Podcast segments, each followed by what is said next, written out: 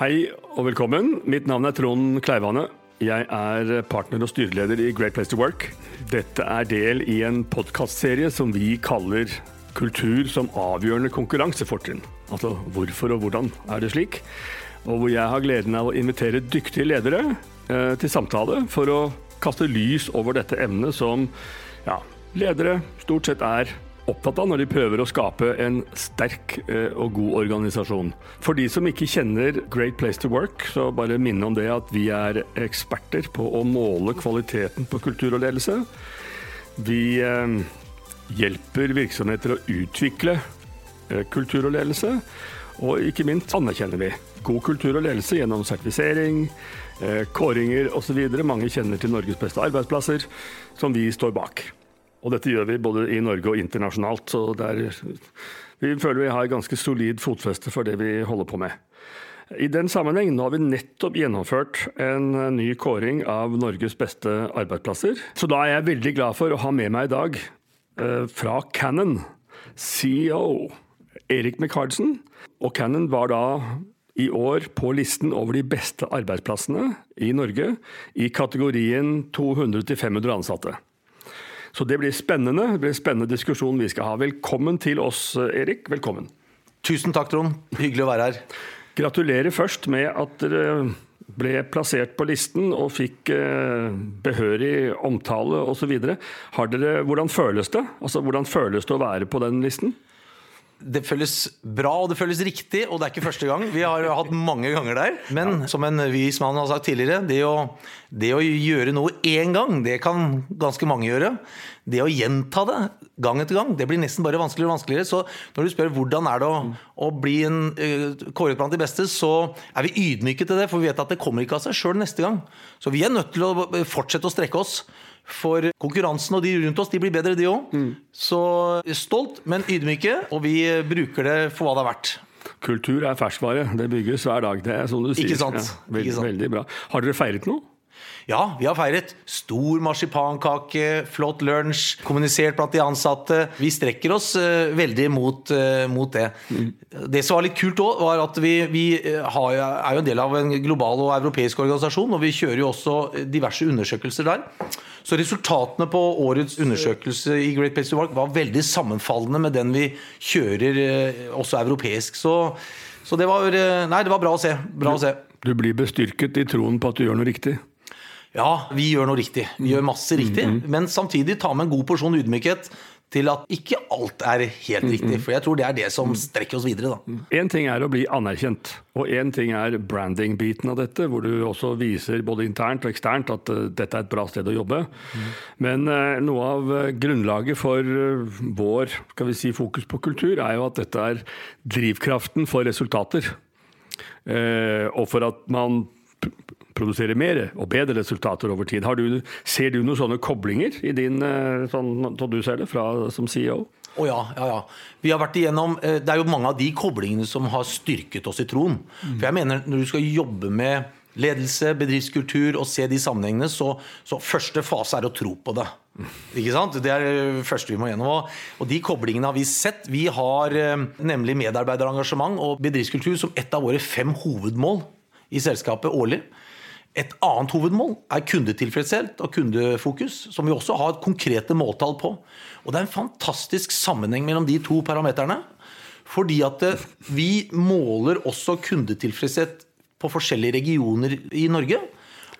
Og når vi også studerer Europa, så ser vi at det er veldig sammenfall mellom kundetilfredshet og med høyt medarbeiderengasjement. Men når du ser det, og dette ser du helt tydelig, og vi vet at det er sånn det henger sammen, for vi ser jo dette rundt forbi i verden vi også når vi titter på ting. Hva kommer det da av at ikke alle ledere er like opptatt av å jobbe mye og ydmykt og kontinuerlig med kultur? Ja, eh, Hvis det er så sammenheng som ja, du sier. For det, det, jeg hører, det er at dette er business. Ja. Dette er god business, så dette må jeg gjøre mye av, er det du sier. Ja, hadde jeg gode svar på det, så hadde jeg kanskje jobbet hos deg, Trond, og ikke ikke. Men, men, eh, jeg skal våge meg på noen betraktninger. For, altså, jeg har lyst til å starte der at alle bedrifter har en bedriftskultur. Jeg pleier å dele den inn veldig grovt sett i to først. Det er den ubevisste delen og den bevisste. De som har bestemt seg for hvordan ønsker vi å ha det, og streber etter å få det sånn.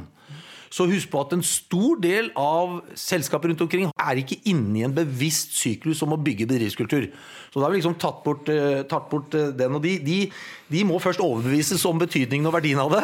Men de, de har jo ubevisst skapt bedriftskultur. Bevisst, ubevisst. Så, så er det prinsipper som lever og ånder i den type selskaper òg. Vi har på et tidlig stadie bestemt oss for at bedriftskultur og ledelse skal være et konkurransefortrinn og et virkemiddel for å nå måla våre. Det er litt spennende, fordi jeg vet eh, når vi går rundt, så er det veldig stor forskjell på det vi tenker er litt modenhet og bevissthet på dette. Aha. Fordi erfaringer hvor man har og og det er ikke så lett å gripe. og Dette føles litt sånn uh, subjektivt, emosjonelt, det er vanskelig å måle og alt dette her. Så folk har ikke så helt konkret forhold til det ofte. Når skjedde det at du ble veldig opptatt av dette? Du, altså din historie. Mm. Hadde du en god leder eller en dårlig en? Eller hadde du en ekstremt glad erfaring et eller annet sted? Var det noen aha-opplevelser? Altså, det er omtrent som å hoppe på ski første gang når du ser at du kan fly. Etterpå så kan du fly, altså, men du må ha gjort det. Ja, vi, vi, snakker jo mye om læringsfasene. Altså fra ubevisst inkompetanse til eh, bevisst inkompetanse, for så å ha en bevisst kompetanse, og til slutt en ubevisst eh, kompetanse. Så, mm. Mm. Men for å, for å dra meg sjøl gjennom den reisen rundt kultur, så vil jeg si at jeg, jeg fikk det tidlig inn. Kom fort inn i, i salg og ledelse og, og yrkeslivet. Hoppa over noen skoleår. Etter kort visitt i Toyota så begynte jeg raskt i Noiseless. Den gangen så var importør av Cannon til Norge. Og der leste jeg et lite hefte som jeg ble betatt av, som het Noiseless sitt verdigrunnlag. Så det var første berøring liksom, med en bedriftskultur. Eh, så observerer jo man underveis. Opp gjennom årene så får jeg en leder som jeg også har tatt i meg mye fra, Ervin Kohn. Og videre så har jeg også tatt mye fra internasjonale kollegaer i Cannon. Jeg har hatt gleden av å få være mentor for andre landsjefer i andre land. Og det har gitt meg masse. Men troen kom tidlig. Troen kom eh, overbevisningen om at det er et virkemiddel for å nå mål, og et avgjørende sådan. Det var ikke sånn at den Nei, men, men det å beherske det, det har kanskje kommet mer gradvis. Så troen kom tidlig. Men så har det liksom vært det å ta, ta, grep om det, og hva gjør du? Og forhåpentligvis så er jeg ikke utlært på det ennå heller. Men du hadde troen, for du så at det var en sammenheng som du ikke kunne la gå. Det er det du sier? Ja, vi, vi har jo alle sett SAS f.eks. Eh, og Janne Carlsson. Og mm. Jeg har lest litt rundt det. Kanskje det var bra tilsynelatende, men det ble etter hvert kanskje en slitasje fordi det ikke kom nok innenfra, eh, slik jeg har lest meg opp. Så vi har jobbet mye med å utvikle bedriftskulturen vår med at, vi, at det, ikke, det skal ikke være noe påtatt som vi har fått i en ferdigpakke, men at det, at det utvikles av kollegaene. da. Mm. Men det starter hos ledelsen. Mm. Ja, Det er eh, noe av nøkkelen. og mm. Hvis den ikke er der, hvis ikke ledelsen ønsker eller vil eller ser, så er det ikke så lett å få til dette. Hva, hva, er, hva er, egentlig god ledelse og kultur? Kan du, kan du, gi noen kjennetegn på det, som, slik du ser det? Ja, hvis vi, hvis vi starter med ledelse, så går det an å sammenfatte lederoppgavene i, i eh, og jeg, jeg, samler meg gjerne om, om tre viktige pilarer. da. Det ene er å sette kurs og retning, hvor det å sette mål er en del av det. Så mål, kurs og retning.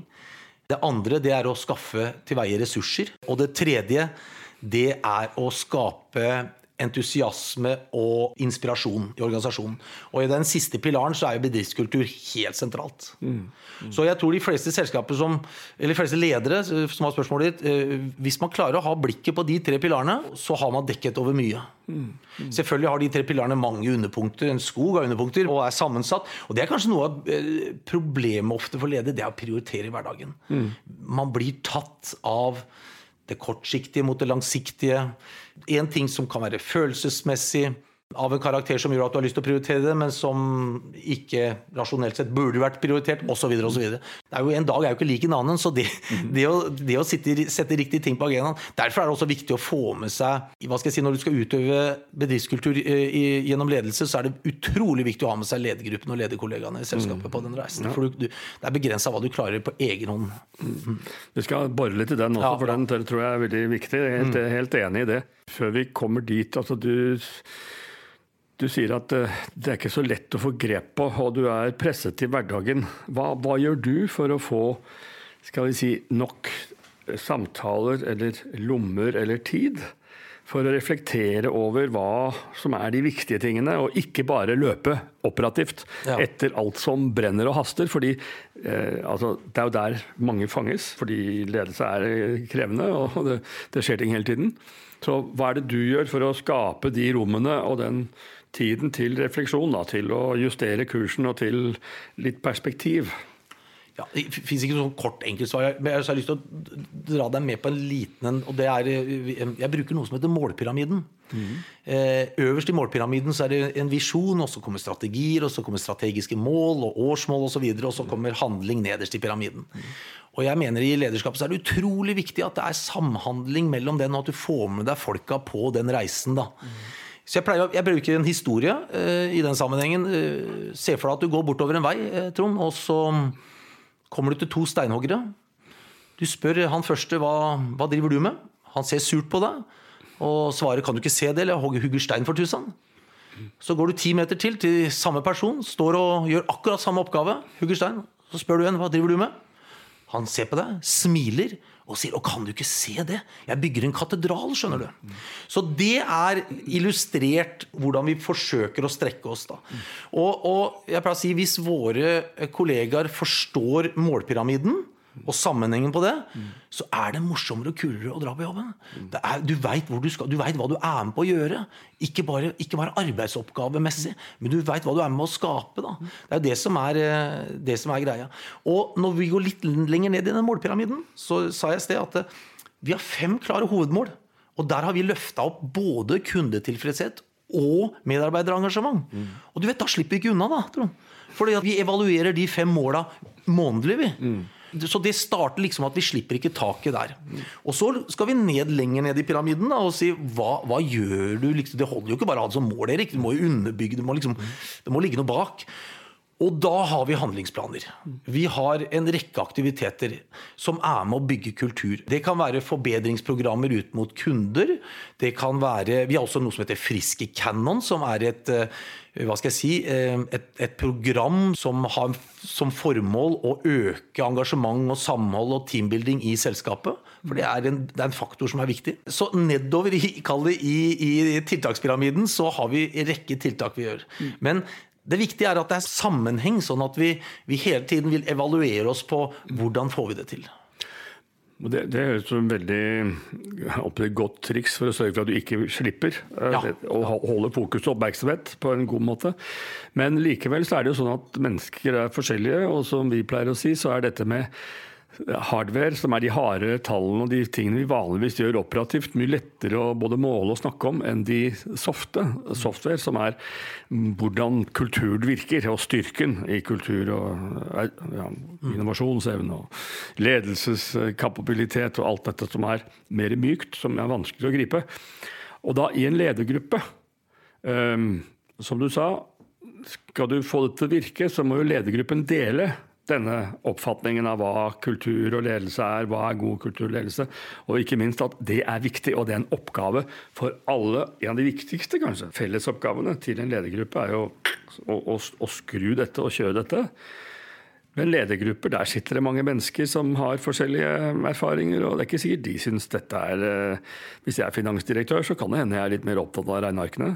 Eh, Altså, hvordan, hvordan jobber du med det for å skape den skal vi si, det engasjementet eller den forståelsen eller den troen som du sier du fant tidlig, og så har du sett bekreftelser og blitt bedre og bedre i å lytte og gjøre. Hvordan, hvordan får du ledergruppen med deg på det? Hele ledergruppen og alle i ledergruppen. Det, det, er, en, det er jo en av nøklene. Det starter jo med at man som dagleder har et privilegium. Det er at du faktisk får lov å velge hvilken som skal sitte i ledergruppen. Det er et bra ståsted. Så er det sånn at eh, vi har jo sammen som ledergruppe eh, hva skal jeg si, styrket oss hverandre i troen på at det er viktig. Så Vi har jo gått gjennom en utvikling, så det er ikke sånn at alle starter med samme nivå av tro, kanskje. Men gjennom utvikling og gjennom erfaring og diskusjoner, så er det klart at, og, og gjennom å sette mål sammen, så opparbeider vi den troen. Så drar vi det videre, så min, eh, mine ledere blir ratet på bl.a. bedriftskultur og medarbeiderengasjement. De har det som bonusmål. Jeg vet at mange kan være uenig i akkurat det, men igjen, hvem har svaret? Jeg vet hva jeg tror på. Sånn at eh, det er på en måte konsistent eh, hele veien. Og jeg tror ikke det lar seg gjøre som en moden leder å sitte i en ledergruppe og være med på en reise hvis du ikke tror på det du har blitt enig i. Så, så du, man vil jo bli avslørt da. Men, men, bruker du da mye For dette er jo ikke de Da gjør du det litt operativt også, fordi du har dette som mål. Mm -hmm. En av delmålene dine. Ja, ja. Så da, blir det jo, da havner du litt på det operative kartet ja. og slipper ikke unna. Men samtidig så regner jeg med at for å få til erkjennelsen og kunnskapen om hva det faktisk betyr, så er jo det noe som ikke helt er sånn operativt. Da må dere jo snakke litt sammen. Men, Teste hverandre, bryne hverandre, bruke tid. Altså hvor mye tid bruker du i ledergruppen på ikke direkte operative ting, men hvor dere faktisk jobber Hva er egentlig god ledelse? Hvordan gjør vi dette, og hva er det vi gjør mer av og mindre av på kultur osv.? Altså, ja. har, du, har du noen arenaer for å ja, diskutere da. dette, eller ja, hvordan er det du får til det? Nei, vi, har, vi, har, vi, har, etablert et eh, lederprogram i Canon som heter Spirit. Og det, Ordet spirit kommer fra vår øverste leder i Japan, Mitarai, som har sagt at eh, spirit is the most important part of a company. Så allerede der får vi drahjelp fra. Der slipper vi helt taket på tall, transaksjoner det operative og diskutere lederskap og kultur og verdier. Mm. Så, så, det er en arena for å svare deg på akkurat uh, Er den ofte? ja, den, den, kjøres relativt ofte. Noen ganger så samler vi digitalt, andre ganger samler vi fysisk. Men at det fort vekk går en 8-12 samlinger i året på det, det er en, det er en viktig arena. Samtidig så, så, er det klart at når du sitter og diskuterer faktiske forhold eller operative ting, så gir jo det en fantastisk mulighet til å utvikle også. Det er ikke sånn at nå driver, nå driver vi transaksjon og operativt arbeid, nå skal vi utvikle. Dette går jo hånd i hanske også. Så ta et eksempel. Hvis jeg sitter med en av mine statsdirektører og vi diskuterer kundetilfredshet i de forskjellige regionene, og vi samtidig ser på f.eks. medarbeiderengasjement, ja, så diskuterer vi jo sammenhengen allerede der. Mm. Og da, da, da, ligger det litt automatikk i at uh, denne statsdirektøren vil også da selvfølgelig styrke seg i troen på at dette er viktig. Men det, men det forutsetter, fordi jeg er helt enig at disse tingene henger selvfølgelig sammen i, i handling og hvordan man gjør ting. Men hvis man ikke har etablert skal vi si, systemet, prosedyrer, refleksjon nok, mm. så er det viktig å lage plass til å reflektere mer på kultur, mer på ledelse, altså i disse spirit-møtene som dere har. Mm. For hvis man har det i de operative møtene, så er det ikke plass. Du, får, nei, nei, nei, du har ikke kjangs. Det henger selvfølgelig sammen, men det er viktig å ha disse arenaene som er frie for tall, for å kunne bygge opp den, kan vi si, den troen og den eh, kapabiliteten, kompetansen, egentlig, i å, å, utøve ledelse på en god måte. Sånn som, sånn som, vi opplever det. Når du sier at dere har dette åtte-ti ganger og sånn per år, så er det veldig bra. Vi sier at eh, Vanligvis sier vi at uh, noe mindre enn fire må du i hvert fall ikke ha. Og da må du ha samlinger på hvert fall tre timer. Altså, du må ha tid til å gå inn i dette og, og, forvente ting og gjøre ting. Vi vet ikke hvordan det er hos dere, men nå har dere fått dette, dere har det under huden. Så derfor så har du nesten dette gratis nå, for å kalle det det, da, siden du har denne toppledelsessaken også. Det er at folk er veldig i tvil om hva skal vi snakke om, da. Altså hva er dagsordenen, da? Mm. Altså, det er liksom ikke den dagsorden som er eh, besluttet og alle disse tallene. Sant? du skal inn der, og så skal du begynne å sette i gang møter. Så uten at Vi har noe, vi har jo ikke tid til det. Altså, det er jo liksom, det å bestemme seg for det, det å beslutte det, det er jo en beslutning mm. som toppleder må ta.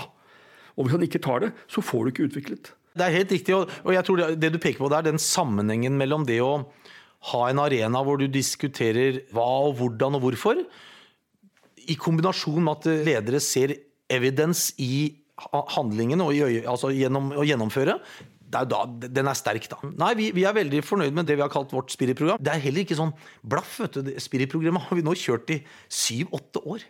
Slipper ikke taket. Så jeg, jeg, er jo også sterk troende på dette med kontinuitet. Du kan gjøre ting bedre og bedre. Da blir ofte produktet enda bedre og sterkere. Men det Spirit-programmet, mm. for jeg tror jo veldig mye av nøkkelen ligger i at man har systematisk tenkt på den type skal vi si, rytmeprosess.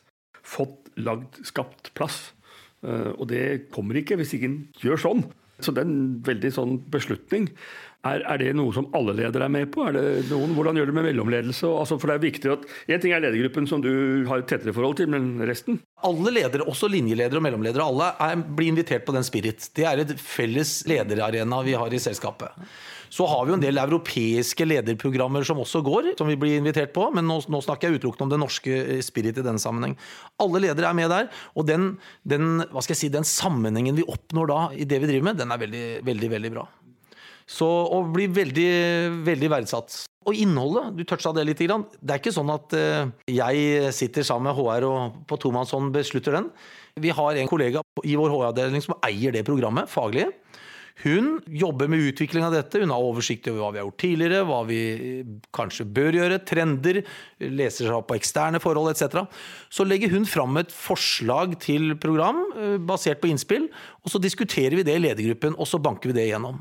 Så kan det hende at vi justerer underveis i året, men da har vi hatt en bra konsensusprosess på hva som er viktig for oss i kommende år.